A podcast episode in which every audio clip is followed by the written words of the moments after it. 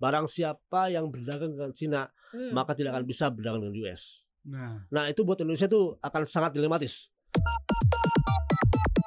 mereka ada kebijakan zero covid aja mereka tutup pelabuhan buka tutup buka tutup aja mengganggu rantai apa namanya Produksi. eh, produksi Betul, distribusi dan betul. lain-lain apalagi perang guys takutkan lagi inflasi lagi. Untuk Betul. barang-barang ya pabrik khususnya mungkin ada elektronik, handphone, Hmm, mobil, Otomotif. otomotif, mungkin nah, itu gimana efeknya gitu.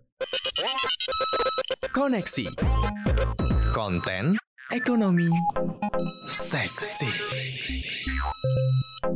Hai Sobat Cuan, selamat datang di podcast Cuap Cuap Cuan. Selamat hari Rabu, kita bertemu lagi ya pastinya di Koneksi Konten. Ekonomi. Seksi. Ya, seperti biasa bareng Maria Katarina, bareng Head of Research CNBC Indonesia, Hidayat Setiaji Dan Siap. juga ada Yoliawan di sini produser CNBC Indonesia Halo. TV ya. Kita akan bahas topik yang menarik sekali buat sobat cuan hari ini pastinya. Kita bahas apa nih? Kita bahas yang lagi seru aja. Taiwan ya kayaknya nih lagi Taiwan. rame nih. kira lu membahas soal tembak menembak. Enggak. Jangan dong. itu Udah ada bagiannya tembak ya. menembak. Ini kita bahas mengenai konflik geopolitik eh, di tahun ini. Sebenarnya kita kan belum selesai dengan eskalasi Rusia dan juga Ukraina yang Yes. saudaraan ya. Bayangin ya kalau misal dilihat di maps nih ya, eh, Ukraina tuh kayak terasnya Rusia Iya, gitu betul. ya. Yes. Tapi nggak mau nggak mau eh, jadi bagian Iya. gitu ya. Hmm. Nah ini lagi, ini ada Taiwan, ada China, China. gitu. Dengan tegas China mengatakan bahwa dia akan mengambil paksa Taiwan jika perlu gitu kan, karena Hmm. Taiwan ini adalah bagian dari pulau eh, di eh, Republik Rakyat eh, China. Tapi dia nggak mau jadi bagian. Ada apaan sih nih Mas Aji? Silakan Mas Aji. Ya ini kan eh, sejarahnya dulu kan ada eh, China kan tuh terbagi dua ya, ya semacam perang saudara lah dalam tanda petik.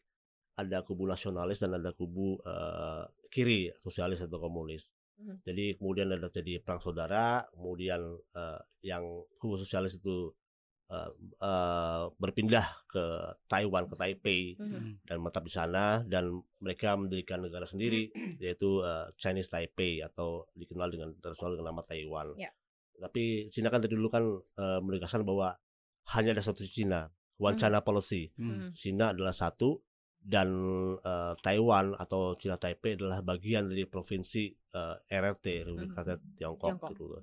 Dan tidak banyak memang negara yang mengakui secara ini ya, secara eh, secara de jure ya, Hmm. tidak banyak negara yang mengakui keberadaan keberadaan Taiwan sebagai negara yang berdaulat dan lebih banyak negara yang mengakui bahwa eh, China adalah ah sorry Taiwan adalah eh, provinsi dari China. China. Mhm. Mhm. Ya kalau kita baca ba- dokumen-dokumen eh, Bank Dunia, dokumen-dokumen eh, WHO, PBB segala macam yang kalau kita lihat bahwa tabel saya tabel nih, tabel Hmm, hmm. pertumbuhan ekonomi negara-negara di dunia Hmm. kalau kita lihat Taiwan pasti dalam tanda- kurung province of China, provinsi daripada China. Nah itu adalah bentuk, Itu apa bentuk legitimasi berarti? ya bentuk legitimasi atau bentuk pengakuan bahwa uh, secara de jure itu masih uh, bahkan lembaga-lembaga dunia seperti PBB, Mhm. Bank Dunia, IMF dan sebagainya masih uh, melihat bahwa Taiwan adalah uh, province of China, China. provinsi daripada But China. they don't want to be part of it ya. Tapi Iya, karena memang dari itu. awal memang ada perbedaan pendapat kan, satu kubu nasionalis dan satunya uh, kubu komunis sosialis. Ya, Oke. gitu. Ini kan cuman gara-gara si Nancy Pelosi ya. Iya. Ya, betul. Lihatnya gimana sih? Betul, betul. Kalau dari kacamata itu tiba-tiba karena Nancy Pelosi, eh Pelosi Pelosi datang terus akhirnya jadi marah gitu si China ini. Ya jadi trigger sih. Cuman jadi pertanyaan banyak orang juga apakah memang ini jadi ya nggak tahu juga sih ya ini kayak asumsi dan subjektivitas saya aja sih. Polisi datang ya udah nih ada ada trigger jadi China punya alasan lebih kuat untuk lebih agresif pada Taiwan gitu kan. Sebenarnya mereka udah agresif tapi karena Betul. nggak ada trigger, eh datang deh nih si Pelosi akhirnya. Nah, gitu Nah ya. itu apakah nggak tahu apakah bisa dibilang Amerika sengaja apa blunder apa gimana nggak ngerti Iya. sih Eh, apa motifnya apa gitu Eh, tapi memang warga Taiwan kalau saya lihat berita-berita internasional sangat inilah welcome kepada Pelosi dia bilang kan banyak eh, spanduk-spanduk banyak gambar-gambar kalau welcome. Pelosi China, apa Taiwan love US dan lain-lain gitu kan berarti memang arah-arah ke sana dari warganya ya kita kalau kita mengaca dulu Hong Kong juga kan Iya. pada support juga apa pengen independen dan sebagainya gitu. Cuman ya ada konsekuensinya ya mungkin dari ekonomi itu dia Nah, itu dia. harus- Apakah ada ada ada kondisi yang kemudian menimbulkan konflik ketika beberapa negara-negara perserikatan itu Hmm. ada yang eh, merapat ke barat? Itu kan juga yang terjadi sebenarnya Iya, di Ukraina. Rusia Ukraina, betul Mas betul Haji. betul Iya ini kan eh, polarisasi ya polarisasi jadi eh, di dunia ini kan ada eh, beberapa kekuatan besar lah kekuatan besar yang menjadi istilahnya tuh eh, backing lah Mhm. ya ada US ada China ada Rusia nah eh, kemudian ada negara-negara yang kemudian memihak kepada salah satu eh, di antara eh, negara-negara besar ini misalnya Korea Utara lebih eh, condong ke Cina, dan Cina. condong ke Rusia Yes. misalnya negara-negara Eropa lebih condong ke US Hmm. gitu.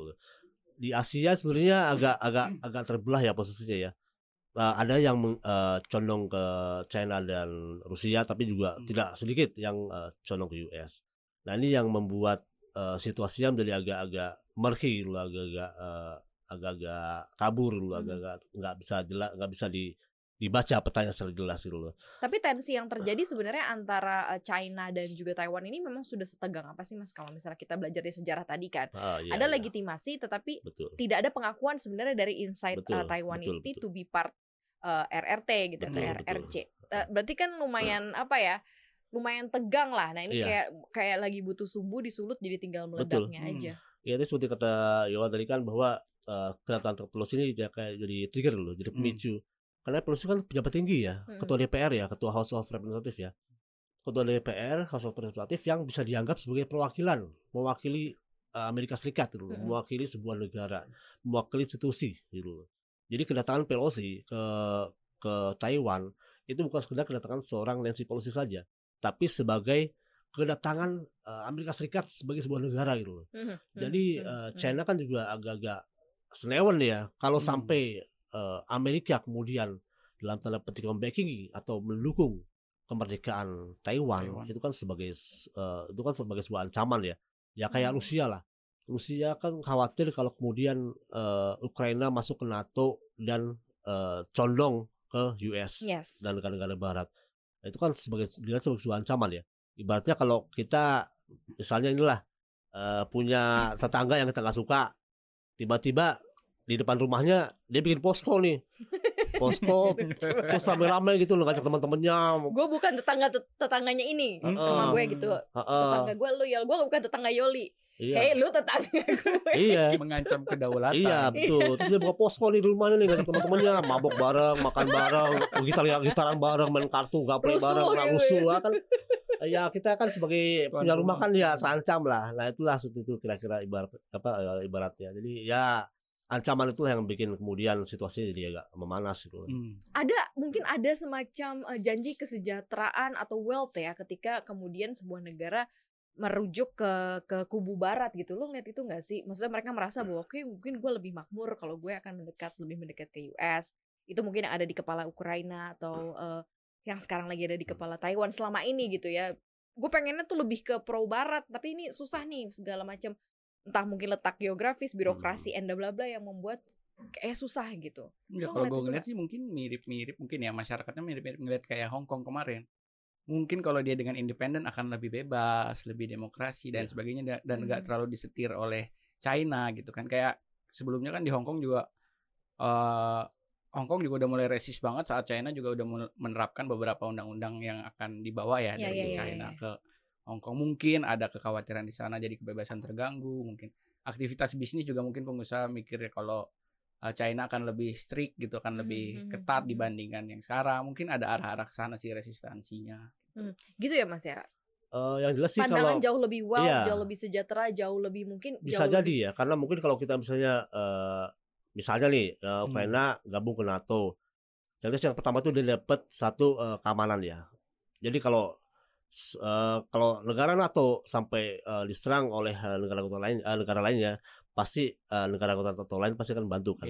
Yang jelas dari sisi keamanan pasti akan eh, akan lebih aman lah lebih terlindungi yang kedua juga mungkin ada janji-janji misalnya eh, insentif misalnya tarif-tarif eh, biaya-biaya ekspor atau biaya-biaya impor Hmm. akan dikurangi misalnya Eh, misalnya eh, US memberikan eh, insentif kepada Ukraina Eh, misalnya ekspor Ukraina bebas biaya masuk kalau masuk ke Hmm. US misalnya gitu ya mungkin ada janji-janji seperti itu mungkin ya Nah, tapi yang sekarang jelas adalah yang jelas yang paling nyata adalah keamanan sih jaminan Hmm. keamanan. Sekarang kita bicara mengenai kalau eskalasinya berke- berkepanjangan gitu ya. Oke. Kalau kayak sekarang kan uh, Rusia dan Ukraina ya eskalasinya belum selesai-selesai gitu ya, masih betul. terus bahkan mengancam ke beberapa komoditas gitu kan impactnya ke. Indonesia. Nah kalau sekarang ke Taiwan dan China ini kan seperti apa nih Mas Aji?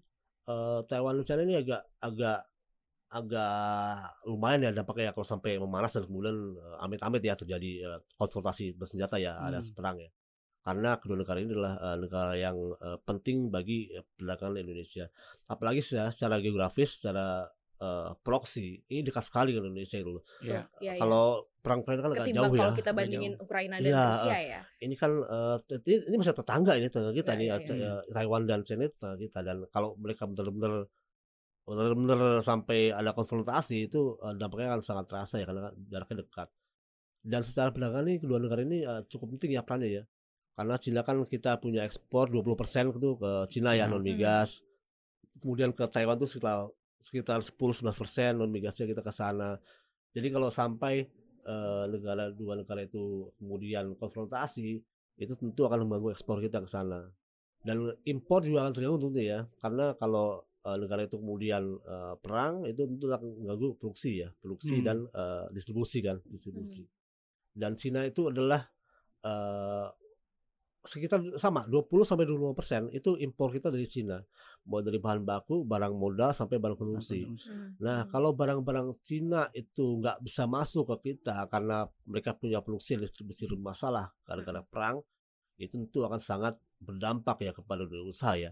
Bahan bakunya berkurang, Ya, ya, bahan ya. barang modalnya, mesin-mesinnya itu nggak bisa Hmm. diimpor ke sini gitu. Bahan ba- apa barang eh, konsumsinya juga nggak bisa masuk ke sini. Dan kemudian kalau kita bicara Taiwan tuh kan Jadi eh, istilahnya akan jauh lebih parah eh, dampaknya Eh, berarti ya. besar karena Cina itu adalah negara utama kita punya ekspor dan impor ini. apa, Mereka ada kebijakan zero covid aja mereka tutup pelabuhan, buka tutup buka tutup aja mengganggu rantai apa namanya Produksi. eh, produksi, Betul, distribusi dan betul. lain-lain apalagi perang gak sih? betul. Dan kalau saya sih lebih merhatiinnya yaitu dia eh, terkait kebijakan mungkin ada larangan segala macam mungkin kan sekarang China ini baru melarang makanan ya kalau nggak salah Betul, Mas, ya. betul. fokusnya hanya baru makanan belum Ikan dan kepada buah-buahan. nah makanan pasir. dan buah-buahan betul kalau Hmm. dia udah mulai masuk ke produk-produk setengah jadi atau produk jadi kayak semikonduktor nah itu kan akan Aduh, berbahaya iya, banget. iya. Betul, betul. Soalnya 20% TSM ya kalau nggak salah perusahaannya Taiwan apa eh, semiconductor manufacturing, kan itu 20% kalau nggak salah ke supply chain dari semiconductor itu Betul. dampaknya akan luar biasa otomatis yang kita takutkan lagi inflasi lagi. Untuk Betul. barang-barang ya pabrik khususnya mungkin ada elektronik, handphone, Hmm, hmm. mobil, Otomotif, otomotif, mungkin betul. itu gimana efeknya gitu. Iya. Kalau kita lihat ke saham TSM di bursa Amerika juga udah ambles ya Mas Udah ya. ambles ya. 30% lebih loh Betul. tahun ini. Mungkin itu efek kekhawatiran 30% juga. tahun ini karena pasca ada tensi atau memang dari awal tahun dari sudah awal sih memang udah ada tren cuman kayaknya Oke. diperparah dengan ada tensi ini kita nggak tahu juga sih ke depannya semoga aja jangan sampai China itu merembet ke mana-mana ini untuk eh, apa pembatasan perdagangan dengan Taiwan gitu itu sih. itu parah sih Mas kalau Ya, bisa kalau sampai ke sanksi itu adalah eh, sebuah konsekuensi yang eh, tidak bisa dihindarkan dari sebuah perang ya. Itu benar tadi kata eh, Yola bahwa sanksi itu akan sangat berdampak. Kalau sampai Cina melakukan eh, sanksi pelarangan ekspor semikonduktor ke berbagai negara, kalau dan negara yang berdagang semikonduktor dengan Taiwan akan tidak bisa berdagang dengan Cina, maka Indonesia akan sangat rugi. Gitu. Hmm, Indonesia tidak hmm, bisa hmm. mendapatkan pasokan semikonduktor daripada dari Taiwan yang merupakan bahan baku utama pembuatan elektronik, kita banyak juga ya otomotif banyak kita sekali. banyak juga ya masuk banyak ya sekali, banyak sekali. iya. terus nasibnya gimana tuh nasib Nah itu dikhawatirkan nanti kalau kok jadi ngeri ya kalau pasokannya terbatas pasti Hmm. harga naik. Tadi seperti Yola bilang inflasi lagi. Inflasi. gitu. Hmm, hmm. Padahal sekarang aja inflasi udah kacau balau banget di Betul, belahan ya. dunia ya. Betul, Maksudnya di betul. beberapa tempat udah yang mau menuju ke stagflasi Betul, udah tinggi gitu. Nah betul. sekarang kalau misalnya kita coba lihat uh, positioning Indonesia ini kan lebih ke tetangga nih mas. Terus Hmm. apalagi uh, kalau makin parah kalau makin parah akan jauh dengan uh, akan lebih parah juga buat kita karena Hmm. susah dari sisi bahan baku dan lain-lain. Nah kita harus Yes. harus ngapain? Karena kan kalau sampai saat ini ekonom-ekonom ngomong saat ini Indonesia masih bisa sanggup untuk me, apa ya meminimalisir dampak a- dengan adanya perang Rusia Ukra- Mm, Ukraina. ya, ya. Rusia Ukraina. Karena Ini kan kita beda nih. komunitasnya harga naik gitu. Nah, itu dia. Ini Windfall. sekarang China Taiwan nih, Mas Haji. Iya, ini sebenarnya posisi kita akan serba salah ya, terutama kalau benar sampai nanti ya amit-amit eh, China benar-benar menyerang Taiwan. karena juga dikhawatirkan tadi eh, kita bicara sanksi tadi kan baru dari sisi Taiwan. Iya. Bagaimana kalau sampai Cina menyerang Taiwan dan kemudian US dan teman-temannya memberikan sanksi kepada Cina? Nah, Mana dia suka banget lagi Nah itu sanksi. misalnya Si Amerika. Iya, misalnya Amerika kasih sanksi kepada Cina. Barang siapa yang berdagang dengan Cina, Hmm. maka tidak akan bisa berdagang dengan US. nah, Nah, itu buat Indonesia tuh akan sangat dilematis. Masalahnya Cina dan US itulah posisi satu dan dua dua di iya ekspor kita. Kita memilih siapa? juara satu juara dua nih berantem Kita mau memilih gitu ya. siapa? Mau milih milih Cina atau milih eh, US? Ini sebuah pilihan yang enggak enggak akan gampang sulit sekali. Indonesia pro barat juga kan Nah, itu dia. Mana nih Masa US juga punya teman. Nah, ah, itu dia. US punya teman, Amerika punya teman di Eropa dan sebagainya, Jepang bahkan kan uh, Hmm. juga uh, anggota apa satu uh, koalisinya US kan, aliansi US. Nah, itu juga ini akan sangat akan sangat dilematis buat Indonesia kalau sampai itu terjadi. Kalau sampai Amerika juga memberikan sanksi kepada kepada Cina. Kalau benar-benar Cina sampai memberi uh, melakukan serangan terhadap Taiwan. Hmm. Ini yang repot. Tapi kalau gue lihat dari sisi tensinya tuh sampai setegang dan semarah itu karena kan pada Hmm. saat ketika Pelosi datang terus kemudian uh, akhirnya Hmm. si China marah terus sampai mengerahkan uh, pasukannya darat Iya. laut udara Hmm. gitu kan sampai sampai sebegitunya berarti ini Iya. kan kayak peringatannya udah Show bukan main-main. ya, show of Itu dia makanya. Ya? Iya betul karena dia udah latihan militer juga, udah operasi militer di pinggir-pinggir perbatasan Taiwan dengan langsung dengan China gitu kan itu jadi masalah besar. Tap- Tapi saya ngutip ini juga sih pernyataan Pak Febrio Kacaribu dia Ya, bilang ya. harapannya di G20 nanti semoga kan dia ada November penjelasan ya, berarti mm, ya. terkait kita nih ada kendala sis pangan ya masih ada Iya. kendala Iya. lonjakan harga komoditas, perang Hmm. Rusia Rusia Ukraina belum selesai. Semoga dalam pertemuan itu bisa ada inilah pembicaraan Iya. gitu terkait China Tapi masih. November ya. Ini sekarang masih Agustus. September, Oktober masih bisa sesuatu yang lebih berat atau lebih buruk lagi terjadi ya nggak sih? Iya, iya benar. Eskalasi kan kita nggak tahu. Kayak dulu Rusia Ukraina aja tiba-tiba banget kan. Iya, betul. Tiba-tiba hari itu ada serangan gitu yang kita nggak nggak mungkin expect ke arah sana gitu. Tiba-tiba ada benar ada serangan. Kita nggak tahu juga China Taiwan ini akan seperti apa. Ya semoga juga Amerika ya kayak yang tadi dibilang Mas Haji juga biar Hmm. Nancy Pelosi juga gimana ya? Nancy jangan Pelosi jangan ngomporin China gitu, gitu, loh, jangan jadi kompor gitu loh. Kan Nancy bahaya. Pelosi udah ke Taiwan, Hmm. ke China sekarang gitu. Malah sih Cina bilang bahwa mereka akan menunda kan, menunda beberapa dialog dengan US tentang tentang perdagangan, tentang penanganan narkotika dan sebagainya kan. Ya mungkin eh, masih mutung lah, masih marah lah. Tapi ya tadi seperti kata Yola ya ya kita juga berharap semoga di seiring waktu emosi itu akan mereda Hmm. dan kan kata katakan jangan Emosi bikin kan keputusan satu marah gitu. Iya betul. Nah, Benar. kalau ya semoga eh, seiring waktu kemarin itu mereda dan eh, US dan eh, China bisa mengambil keputusan dengan lebih jernih, kepala yang jernih, Kepala dengan lebih kepala ya. dingin, Ya. enggak berdasarkan emosi. Ya semoga di forum G20 nanti akan ada eh, suasana yang lebih cair lah, suasana yang lebih cair, suasana Karena yang lebih emosi mengalahkan logika banyak ruginya. Iya, itu dia makanya. itu. Setuju dong. Setuju kan? Betul. Iya. Makanya, mana perang yang paling ngeri itu adalah perang saudara. Itu udah paling paling paling mengerikan sebenarnya dari Iya, zaman sejarah. karena walaupun di permukaan sudah damai, tetapi di bawahnya itu masih ada ada semacam dendam lah. Iya, Yes. seperti dendam, cinta dan rindu harus dibayar tuntas apa sih gue? Pokoknya gitu ya sobat cuan ya. Jadi kita harus menelaah dan positioningnya memang Indonesia eh, yang banyak sekali berhubungan berkorelasi hubungan dagang dengan beberapa negara yang kita bahas tadi. Jangan sampai dampaknya nanti malah lebih besar lagi apalagi ke inflasi itu yang Yes. ngeri karena kalau ke inflasi udah ke end user ke kita kita kenanya ya kita yang akan menanggung jadi kita berdoa semoga semuanya damai damai saja gitu ya masih ada berapa bulan sampai November ya Ya. kira-kira ini bisa dibikin lah ah, lebih baik jangan Ya. jadi lebih buruk lebih ada komunikasi Amin. diskusi juga ya jadi gitu aja Sobat Cuan bahasan kita hari ini ya Mudah-mudahan ini bisa menjadi gambaran juga buat Sobat Cuan Jangan lupa untuk dengerin konten podcast kita lainnya Di mana aja Ada di Spotify, Yes. Apple Podcast, Google Podcast, dan ada di Anchor. Cakep Jangan lupa follow akun Instagram kita ya Di @cuap underscore cuan dan subscribe juga YouTube channel kita di Cuap Cuap Cuan. Di like, di share, di komen yang manis-manis ya Sobat Cuan ya. Supaya kita juga tetap semangat. Dan jangan lupa podcast kita hari ini juga tayang di CNBC Indonesia TV. Thank you Sobat Cuan, sehat-sehat terus. Maria pamit. Aji pamit. Yuri pamit.